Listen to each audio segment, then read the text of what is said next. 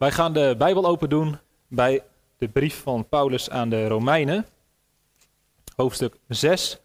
En daarvan lezen we vers 1 tot en met 14. Romeinen, hoofdstuk 6, vers 1 tot en met 14. Dit is een van de vele schriftgedeelten in het Nieuw Testament die gelezen kan worden. Vanavond zal ik niet echt uh, deze tekst doorpreken, maar halverwege de preek gaan we het over dit gedeelte hebben. Het is een van de onderdelen die laat zien waarom het opstaan van Jezus nuttig is voor ons. En dit gaat over de heiliging. Dat we dood zijn voor de zonde, maar ook nieuw leven hebben gekregen, zijn opgestaan om tot eer van God te kunnen leven. Romeinen 6, vers 1. Wat zullen wij dan zeggen? Zullen wij in de zonde blijven leven, opdat de genade toeneemt? Volstrekt niet. Hoe zullen wij, die aan de zonde gestorven zijn, nog daarin leven? Of weet u niet dat wij alle die in Christus Jezus gedoopt zijn, in zijn dood gedoopt zijn? Wij zijn dan met hem begraven, door de doop in de dood. Opdat, evenals Christus uit de doden is opgewekt tot de heerlijkheid van de Vader, zo ook wij in een nieuw leven zouden wandelen. Want als wij met hem één plant zijn geworden, gelijk gemaakt aan hem in zijn dood, dan zullen wij ook aan hem gelijk zijn in zijn opstanding. Dit weten wij toch dat onze oude mens met Jezus gekruisigd is, opdat het lichaam van de zonde teniet gedaan zou worden en wij niet meer als slaaf de zonde zouden dienen. Want wie gestorven is, is rechtensvrij van de zonde. Als wij nu met Christus gestorven zijn, geloven wij dat wij ook met Hem zullen leven. Wij weten toch dat Christus, nu Hij is opgewekt uit de doden, niet meer sterft. De dood heerst niet meer over Hem. Want wat zijn sterven betreft, is Hij voor eens en altijd voor de zonde gestorven. En wat zijn leven betreft, leeft Hij voor God.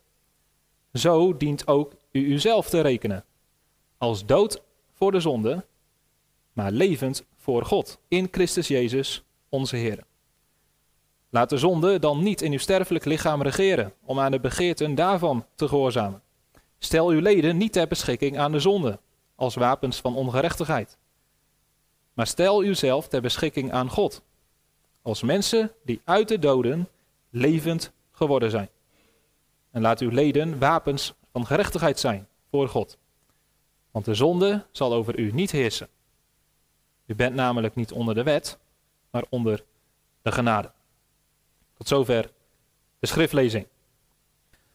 Wij hebben vorige week Pasen gevierd en nagedacht over de waarheid van de opstanding van Jezus Christus. We hebben gezien dat Jezus is opgestaan uit de dood. Dat is een historisch feit. Het graf is werkelijk leeg. Dat was het eerste. En Jezus is werkelijk aan vele getuigen verschenen. Dat was het tweede. En ten derde, profetieën uit het Oude Testament zijn werkelijk vervuld. Drie feiten die samen zorgen voor een onomstootbaar bewijs. Jezus is werkelijk opgestaan. En dat maakt het evangelie, het christelijk geloof, betrouwbaar. Dit is een betrouwbaar woord en alle aanneming waard. Niet alleen omdat het waar is, maar om nog een reden. En daar gaan we het vanavond over hebben. Jezus heeft niet alleen de dood overwonnen, als een historisch gebeurtenis. Nee, vanavond zeggen we, hij heeft de dood voor ons overwonnen. Jezus is opgewekt voor ons. Het is niet alleen betrouwbaar nieuws. Vanavond horen we dat het ook goed nieuws is. Ja, het beste nieuws wat wij als mensen kunnen krijgen. Het is niet alleen waar, het is ook nuttig. Nou, daar gaan we proberen vanavond diepere antwoorden op te krijgen. Als we eerst de vraag andersom stellen. Wat als Jezus niet was opgewekt? Wat zou dat betekenen voor ons geloof? Heel simpel, het zou het einde betekenen van ons geloof. En wel om de volgende reden. Allereerst, het is dwaas om te vertrouwen op iemand die dood is. Toch? Wij zijn christenen omdat wij geloven in de Heer Jezus Christus. Als Jezus niet is echt is opgestaan uit de dood, dan is hij nog dood. En een dood persoon kan niks voor je betekenen. Die kan je niet redden. Dus het christelijk geloof is dwaas als Jezus niet echt zou zijn opgestaan. En is ten tweede ook dwaas om te vertrouwen op iemand die verkeerde informatie heeft gegeven. Jezus heeft namelijk gezegd dat hij de zoon van God is en dat hij daarmee de macht had zijn leven af te leggen, maar ook de macht zijn leven weer op te nemen. Als Jezus niet is opgestaan, zijn leven niet kon opnemen, dan heeft Jezus in het beste geval zich vergist en in het slechtste geval heeft hij ons bedrogen. In elk geval is hij dan niet wie hij beweerde te zijn, de zoon van God. En het derde, waarom het einde van het christelijk geloof zou betekenen als Jezus niet echt is opgestaan, is dat we ook het Nieuwe Testament niet meer kunnen vertrouwen. We kunnen het Nieuwe Testament niet lezen als het woord van God als Jezus niet echt is opgestaan. Want het is de kern van het Nieuwe Testament. Je komt geen Bijbelboek door of je komt tegen, Jezus is opgestaan. Dus als dat niet echt is gebeurd, dan kun je heel het Nieuwe Testament in de kachel gooien. Dan is dat onbetrouwbaar. Dus kortom, het is grote dwaasheid. Onmogelijk om een christen te blijven of te worden als Jezus niet zou zijn opgestaan. Maar nu zegt Paulus, Christus is opgewekt uit de doden. Het is een historisch feit. Dit betekent dat het Nieuwe Testament betrouwbaar is. En ook dat het christelijk geloof uniek is. We zijn niet de enige godsdienst in deze wereld, er zijn meerdere godsdiensten. Maar de enige godsdienst die claimt dat de persoon die de, de, de starter is van de godsdienst, dat die is opgestaan, dat zijn wij. Alle godsdiensten hebben grote personen aan het begin staan. Maar er is geen één godsdienst die zegt, hij leeft nog of hij is weer opgestaan.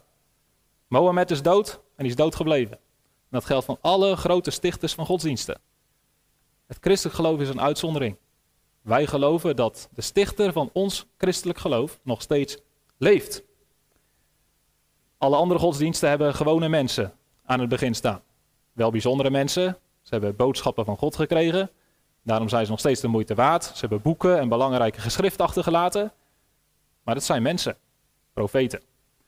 Maar Jezus is meer dan een profeet. Hij is geen gewoon mens. Hij is de zoon van God. Dat heeft hij beweerd toen hij op aarde was. En hij heeft het ook bewezen. Door op te staan uit de dood. Paulus zegt in Romeinen 1, vers 4: Met kracht is bewezen dat Jezus de zoon van God is. Door zijn opstanding uit de doden. Dus wie in Jezus gelooft, die gelooft niet in een mens, maar in de zoon van God, die nu leeft. En daarom kan hij ons volkomen zalig maken. Wat betekent dat? Dat Jezus ons volkomen zalig kan maken, ons volkomen kan redden. Nou, vanavond ga ik iets doen wat ik uh, niet heel vaak heb gedaan, of nog nooit hier. Ik ga een beetje een catechisme houden. Want in de Heidelberger catechismus staat een vraag over waar het vanavond over gaat. De vraag is letterlijk: welk nut heeft de opstanding van Christus voor ons? Nou, dat is de vraag van vanavond. Dus ik had het vrij makkelijk deze week. Ik hoefde alleen maar uh, dit boekje te pakken en te kijken naar de antwoorden. En die ga ik vanavond uitleggen. Nou, de catechismus geeft drie antwoorden. Drie redenen waarom het nuttig is voor ons dat Christus is opgestaan uit de dood. En uh, al die dingen samen laten zien wat het betekent om volkomen zalig gemaakt te worden door Jezus. Het eerste wat er wordt genoemd is het volgende. Door zijn opstanding heeft Jezus de dood overwonnen om ons in de gerechtigheid te doen delen, die hij door zijn dood ons verworven had. Snapt iedereen dit? Anders ga ik het uitleggen. Nee, ik ga het uitleggen. Wat dit zegt is uh, dat het niet genoeg was alleen dat Jezus is gestorven aan het kruis. Kijk, wij geloven dat Jezus aan het kruis is gestorven voor onze zonde. Daar heeft hij de straf voor onze zonde gedragen. En dat betekent dat het mogelijk is dat onze zonden worden vergeven. Maar het feit dat het mogelijk is, betekent nog niet dat het ook gebeurt.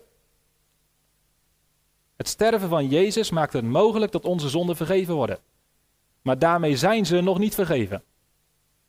En wie gaat daarvoor zorgen dat onze zonden ook werkelijk vergeven gaan worden? Jezus zelf. Er is één middelaar tussen God en de mensen, dat is Jezus Christus. En de enige persoon die onze zonde kan vergeven is Jezus. Als hij alleen aan het kruis was gestorven, dan kon onze zonde wel vergeven worden. Maar als hij niet weer was opgestaan, dan kon hij dat niet toepassen. Dan kon hij ons niet werkelijk de zonde vergeven. Daarom zegt Paulus in 1 Korinthe 15, als Christus niet is opgewekt, is uw geloof zinloos. U bent dan nog in uw zonde. Een dode redder kan je zonde niet vergeven. Dus als we alleen zouden geloven dat Jezus aan het kruis is gestorven voor onze zonde, heb je een half evangelie. Sterker nog, dan heb je geen evangelie. Want je hebt niks aan een mogelijkheid die geen werkelijkheid wordt. Dus Jezus is opgestaan om ervoor te zorgen dat onze zonden ook werkelijk vergeven gaan worden. Hij leeft om dit toe te passen in ons leven. Nou, en Jezus doet dat door het evangelie te laten verkondigen. Daar beginnen we mee. De Heer Jezus zorgt er zelf voor, ook vanavond weer. En elke keer dat mensen het evangelie horen. Dat Hij is gestorven aan het kruis voor onze zonde. Dat Hij is opgestaan om ons te redden. Alle profeten en apostelen getuigen van Jezus dat wie in Hem gelooft, vergeving van zonde zal ontvangen door Zijn naam. Dus op basis hiervan mag ik vanavond opnieuw tegen jullie allemaal zeggen: als je vergeving van zonde nodig hebt, dan kun je vertrouwen op de Heer Jezus. En als je op Hem vertrouwt, dan worden je zonden vergeven. Als ik zeg vertrouw op de Heer Jezus, dan zeg ik niet vertrouwen op iemand die 2000 jaar geleden heeft geleefd en dood is gegaan en daar mag je op vertrouwen. Nee, je gelooft in de Jezus, dat betekent op dit moment stel je vertrouwen op iemand die leeft. En die kan doen wat hij 2000 jaar geleden heeft verdiend. En als je dit gelooft, zegt de Bijbel, dan worden je zonden ook werkelijk vergeven. In Romeinen 10 staat, als je met je mond de Jezus beleidt en met je hart gelooft dat God hem uit de dood heeft opgewekt, dan zul je zalig worden. Dus dit is geweldig goed nieuws. Als je weet, ik ben een zondaar. En als je weet dat je zondaar bent, dan weet je ook dat je de toren van God verdient. Dan weet je dat je eigenlijk voor eeuwig naar de hel zou moeten gaan. En dit is het goede nieuws, dat dan niet hoeft. Want Jezus is aan het kruis gestorven, hij heeft de schuld voor jou gedragen en hij leeft nu als opgestane zaligmaker. Zodat iedereen die naar hem toe gaat om redding te ontvangen, het ook werkelijk krijgt. Dus dankzij de opstanding van de Heer Jezus gaan voor ons de hemelpoorten open. Dankzij Hem kunnen onze zonden vergeven worden. Het tweede wat er in de catechismus wordt genoemd, is dat wij zelf geestelijk leven krijgen. Ten tweede worden ook wij door Zijn kracht opgewekt tot een nieuw leven. Het is een waarheid die je op heel veel plekken in het Nieuw Testament tegenkomt. Dat wij als christenen geestelijk levend zijn geworden. Nou, ik ga twee uh, gedeeltes uh, toelichten. Dat is Efeze 2 en Romeinen 6. Romeinen 6 hebben we gelezen. In Efeze 2 zegt Paulus tegen de Efeziërs: Voordat jullie gered werden, waren jullie dood in zonde en misdaden. Voordat jullie gered werden, waren jullie geestelijk dood.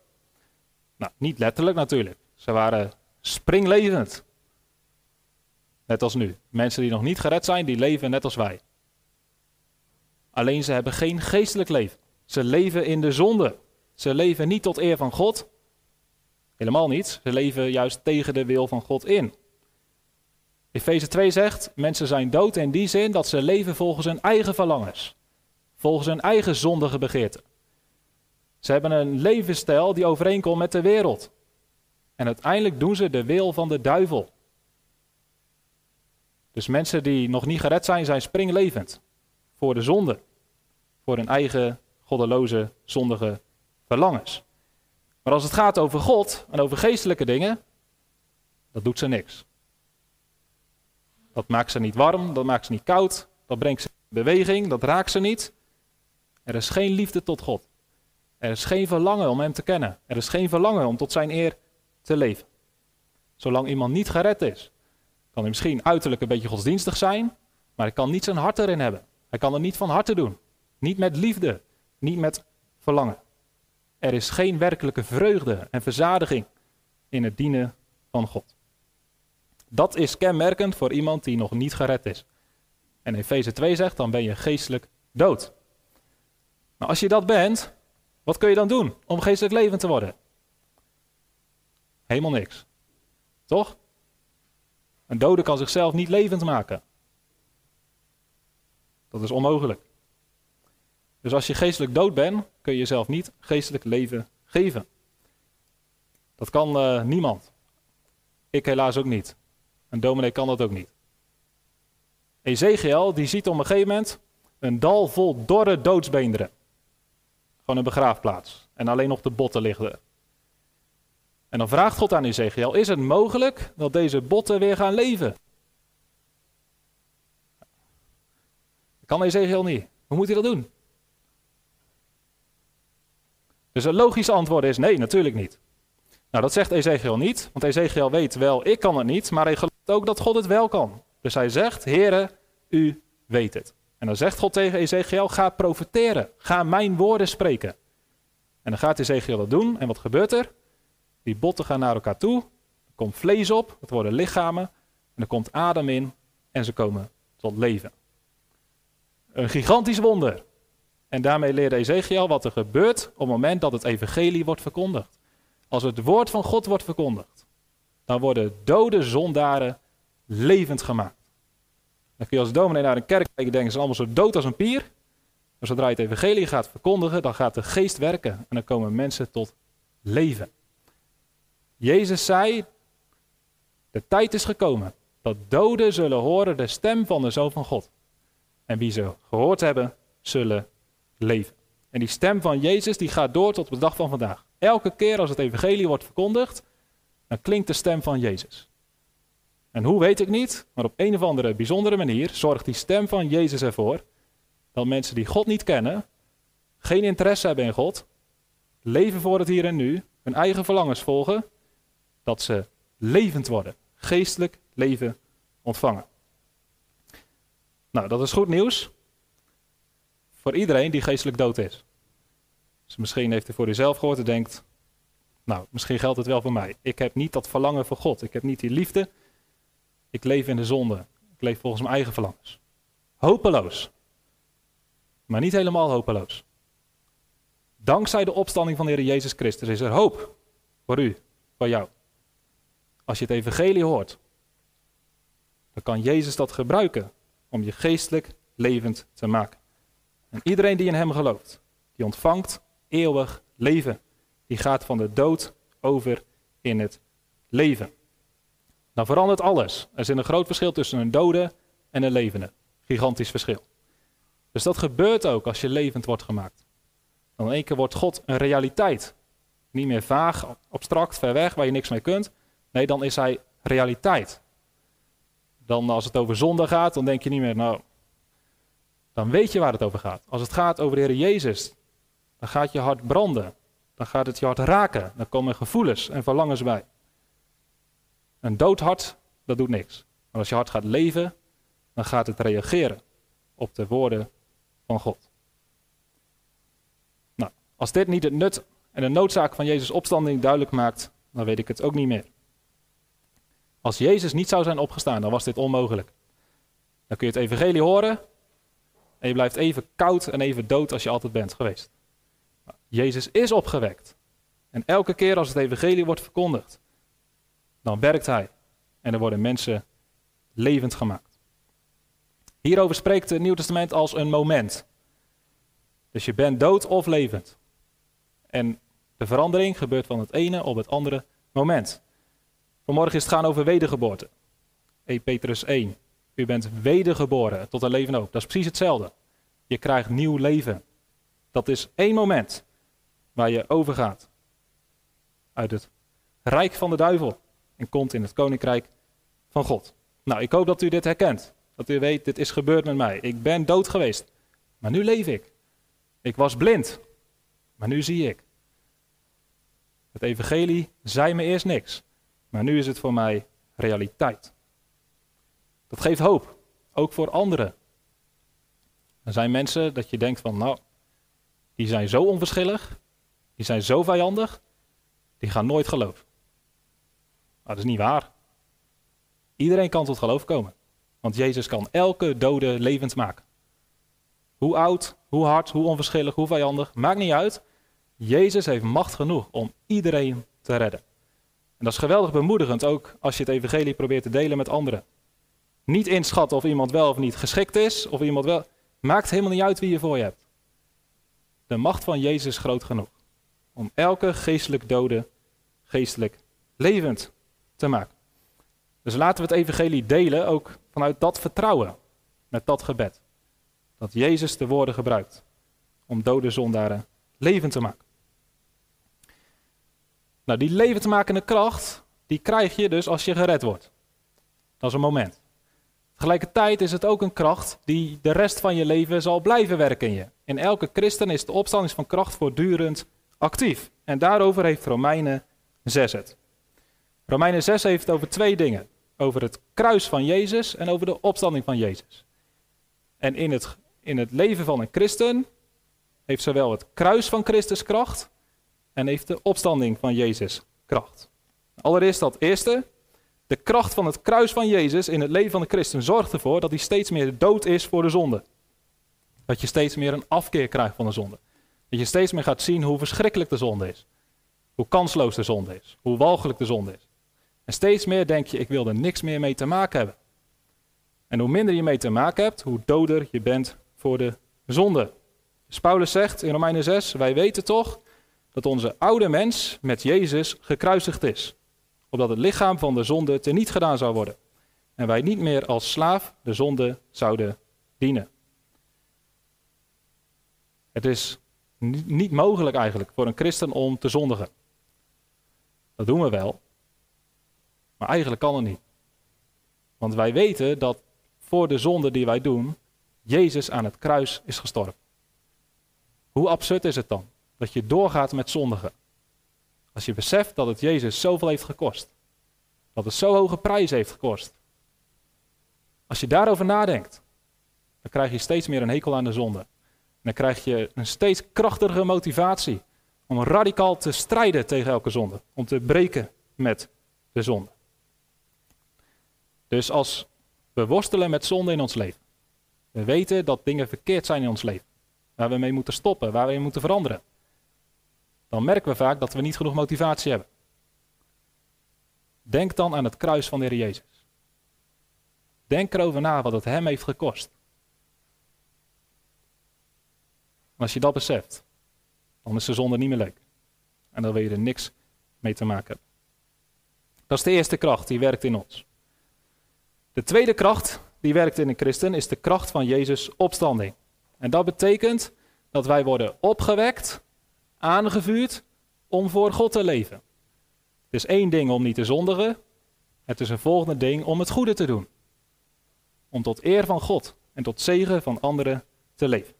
En als wij een verlangen merken bij onszelf, een groeiend verlangen, om God beter te leren kennen, om een vuriger te dienen, om eerlijker te zijn in het leven, om minder te roddelen, weet ik veel, noem alles maar op, om goede dingen te doen, dan is dat de kracht van Jezus' opstanding, die in ons werkzaam is. Jezus is opgestaan om ervoor te zorgen dat wij ook opstaan, om tot eer van God te leven. Dus als u verlangt naar een heiliger leven, een vruchtbaarder leven, als u meer tot zegen wil zijn als een christen in deze wereld, denk aan de opstanding van de Heer Jezus. En als we daar door het geloof over nadenken, dan zal God dat gebruiken om een kracht in ons te geven om voor God te leven. Dus de opstanding van Jezus is nuttig voor ons. Het stelt ons in staat om tot eer van God te leven. Dan het laatste, het derde, tot slot catechisme zegt, ten derde is voor ons de opstanding van Christus een betrouwbaar onderpand van onze eigen opstanding in heerlijkheid. Nou, vorige week uh, heb ik hier aan het eind van de preek al iets over gezegd, maar het is mooi om het te herhalen. De hoop die wij hebben op het eeuwige leven. Dood is niet dood. Want Jezus is opgestaan. En dat betekent dat onze dood ook geen eindpunt is. Vanmorgen is er ook over gegaan. Petrus zegt, u bent opnieuw geboren tot een levende hoop. Door de opstanding van Jezus Christus uit de dood. Is een geweldige troost, zeker als dit leven moeilijk is. Als je geconfronteerd wordt met veel lijden, met veel pijn en veel verdriet, met de eindigheid van het leven, dan is dit een geweldige hoop. Je hoeft niet alles uit dit leven te halen. Als sommigen zeggen, you only live once, YOLO, dat is een leugen. Je hoeft niet alles eruit te halen wat hierin zit. Je hoeft de dag niet te plukken. Want de echte dag begint straks. Het echte leven begint straks. Dat is een geweldige hoop. Voor als wij ervaren dat het leven hier keihard soms tegenzit. Het leven van een christen is ook in die zin zwaar, omdat je last blijft houden van de zonde. Het kruis van Christus en de opstanding van Christus, waar we het vorige punt over hadden, dat is zeker werkzaam in ons. Dus we willen niet zondigen en we willen voor God leven. Tegelijkertijd gaat dat ook niet vanzelf. Is het een strijd? Is het een worsteling? En dan zien we er naar uit, hoop ik, toch? Dat het voorbij is. Dat je geen last meer hebt van de zonde. Dat je nooit meer verzocht wordt door de zonde. Dat er geen verleidingen meer zijn. En dat je puur, volmaakt, volkomen toegewijd God kunt verheerlijken. Dat is de hoop die Jezus ons geeft door zijn opstanding. Aan het eind van de wereldgeschiedenis zal de stem van Jezus weer spreken. En dan zegt Jezus, dan zullen allen die in de graven zijn mijn stem horen. Ze zullen eruit gaan. Zij die het goede gedaan hebben, tot de opstanding van het leven.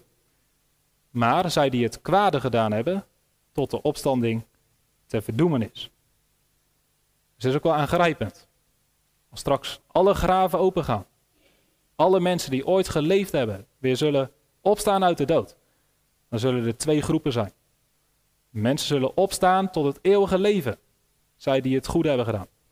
Maar Jezus zegt, er zullen ook mensen opstaan tot de verdoemenis, zij die het kwade gedaan hebben. Dus het is een angstaanjagende werkelijkheid. Dus ergens de opstanding van Jezus Christus heeft ook een negatieve kant. Want als Jezus echt is opgestaan, dan zullen mensen die niet gered zijn ook opstaan en verloren gaan. Maar voor ons die geloven is het een troost. Een vreugdevolle werkelijkheid. Want als Jezus echt is opgestaan, dan zullen wij ook met hem opstaan. Ik vind het mooi wat Luther daarover zei. Luther zegt, als een christen zijn laatste adem uitblaast en sterft, dat is alsof hij als de laatste keer naar bed gaat. De laatste keer gaat slapen. En dan lig je in bed, in je graf. En op die grote morgen dat Jezus terugkomt, dan klopt hij op de deur van je graf. En dan zegt Luther, en dan zegt Jezus, Luther, Luther, het is tijd om wakker te worden. Opstaan. En dan sta je op. Om eeuwig te leven. Dit is de hoop die wij hebben. Zelfs in het oog van de dood. Zelfs als we ons lichaam in de graf leggen. Er zal een moment komen dat Jezus ons wakker kust. En zegt, nu is het tijd om op te staan. Nu mag je de eeuwige vreugde binnengaan. De plek waar geen zonde meer is. De plek waar geen zondige verlangens meer zijn. De plek waar ook de gevolgen van de zonde niet meer zijn.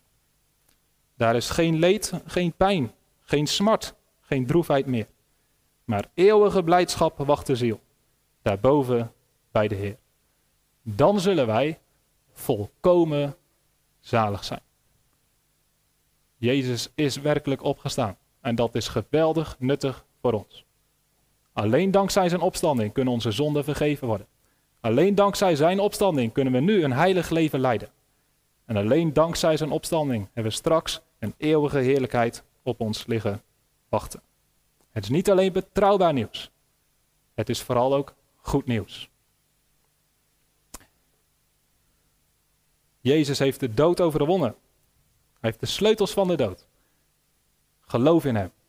Want als je in Hem gelooft, dan zal Hij die sleutels voor jou ten goede gebruiken. Dan zal Hij de poort naar het paradijs openen. En als Jezus eeuwig leeft, dan zul jij straks eeuwig met Hem leven. Halleluja. Ik heb dit afgelopen vrijdag ook gezegd. En toen hoorde ik dat je alleen een goede dominee bent als je preek eindigt met halleluja. Nou, halleluja. Loof de Heer, prijs de Heer. Hij is werkelijk opgestaan en hij geeft ons eeuwig leven.